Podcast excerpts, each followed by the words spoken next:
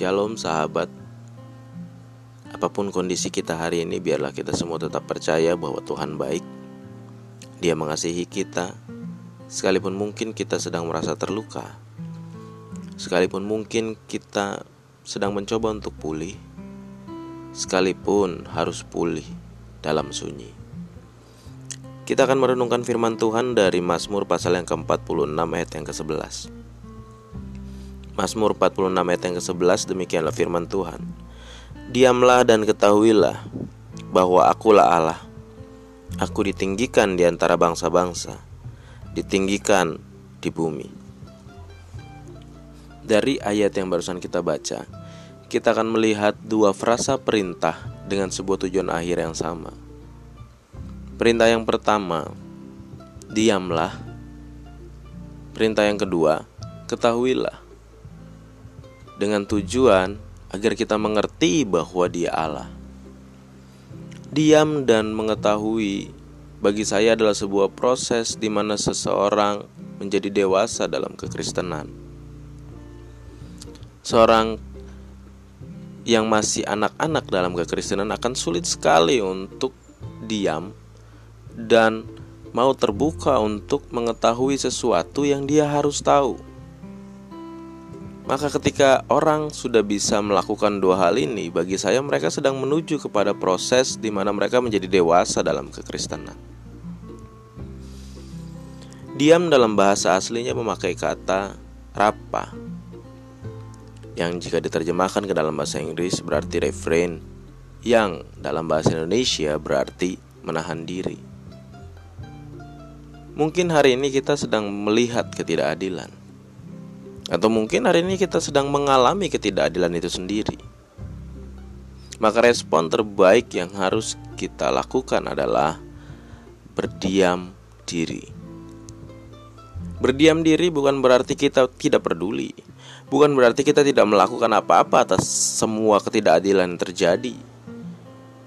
Tapi berdiam diri berarti kita mampu menahan diri kita untuk tidak terburu-buru berespon kita mampu menahan diri kita untuk tidak terburu-buru mengambil keputusan. Karena biasanya segala sesuatu yang kita lakukan dengan tergesa-gesa atau terburu-buru akan menghasilkan sebuah efek yang tidak baik. Menahan diri adalah sebuah bukti kedewasaan bahwa kita mampu mengendalikan diri kita sendiri. Ketika kita mampu menahan diri, kita sedang belajar mempercayai bahwa semua dalam kendali Allah. Itu mengapa tujuan akhirnya supaya kita mengetahui Dia Tuhan. Kata ketahuilah dalam bahasa aslinya, dalam bahasa Ibrani memakai kata yada yang berarti mau belajar sesuatu. Kita membuka diri kita untuk belajar mengetahui bahwa Dia adalah Tuhan. Dia Allah yang memegang kendali atas hidup kita. Ketika kita terbuka untuk mempercayai, mengakui, mengimani bahwa Allah adalah yang memegang kendali atas hidup kita, maka tidak ada lagi kata kecewa, tidak ada lagi kata marah kepada Tuhan, tidak ada lagi kata pesimis-pesimis tentang Tuhan, karena kita tahu Dia Allah yang memegang kendali atas hidup kita.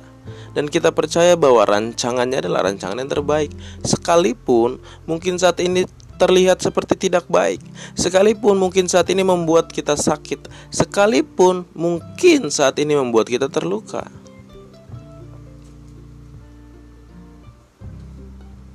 Hari ini apakah kita masih ada dalam sikap-sikap kekanak-kanakan dalam kekristenan? Terburu-buru, mudah menilai segala sesuatu secara negatif, mudah berespon secara negatif. Atau kita mengambil keputusan untuk belajar menjadi dewasa dengan berdiam diri dan mengetahui bahwa Dialah Allah. Apa pun masalah kita hari ini, berdiam dirilah mampu menahan diri untuk tahu kapan harus bersikap, kapan harus berespon dengan benar. Dari situ kita akan belajar mengetahui bahwa dialah Allah lewat pengalaman-pengalaman hidup kita. Bukan apa kata orang, bukan apa kata tulisan-tulisan. Tapi kita sendiri mengalami karya-karya Allah dalam hidup kita. Dan terakhir, mengucap syukurlah.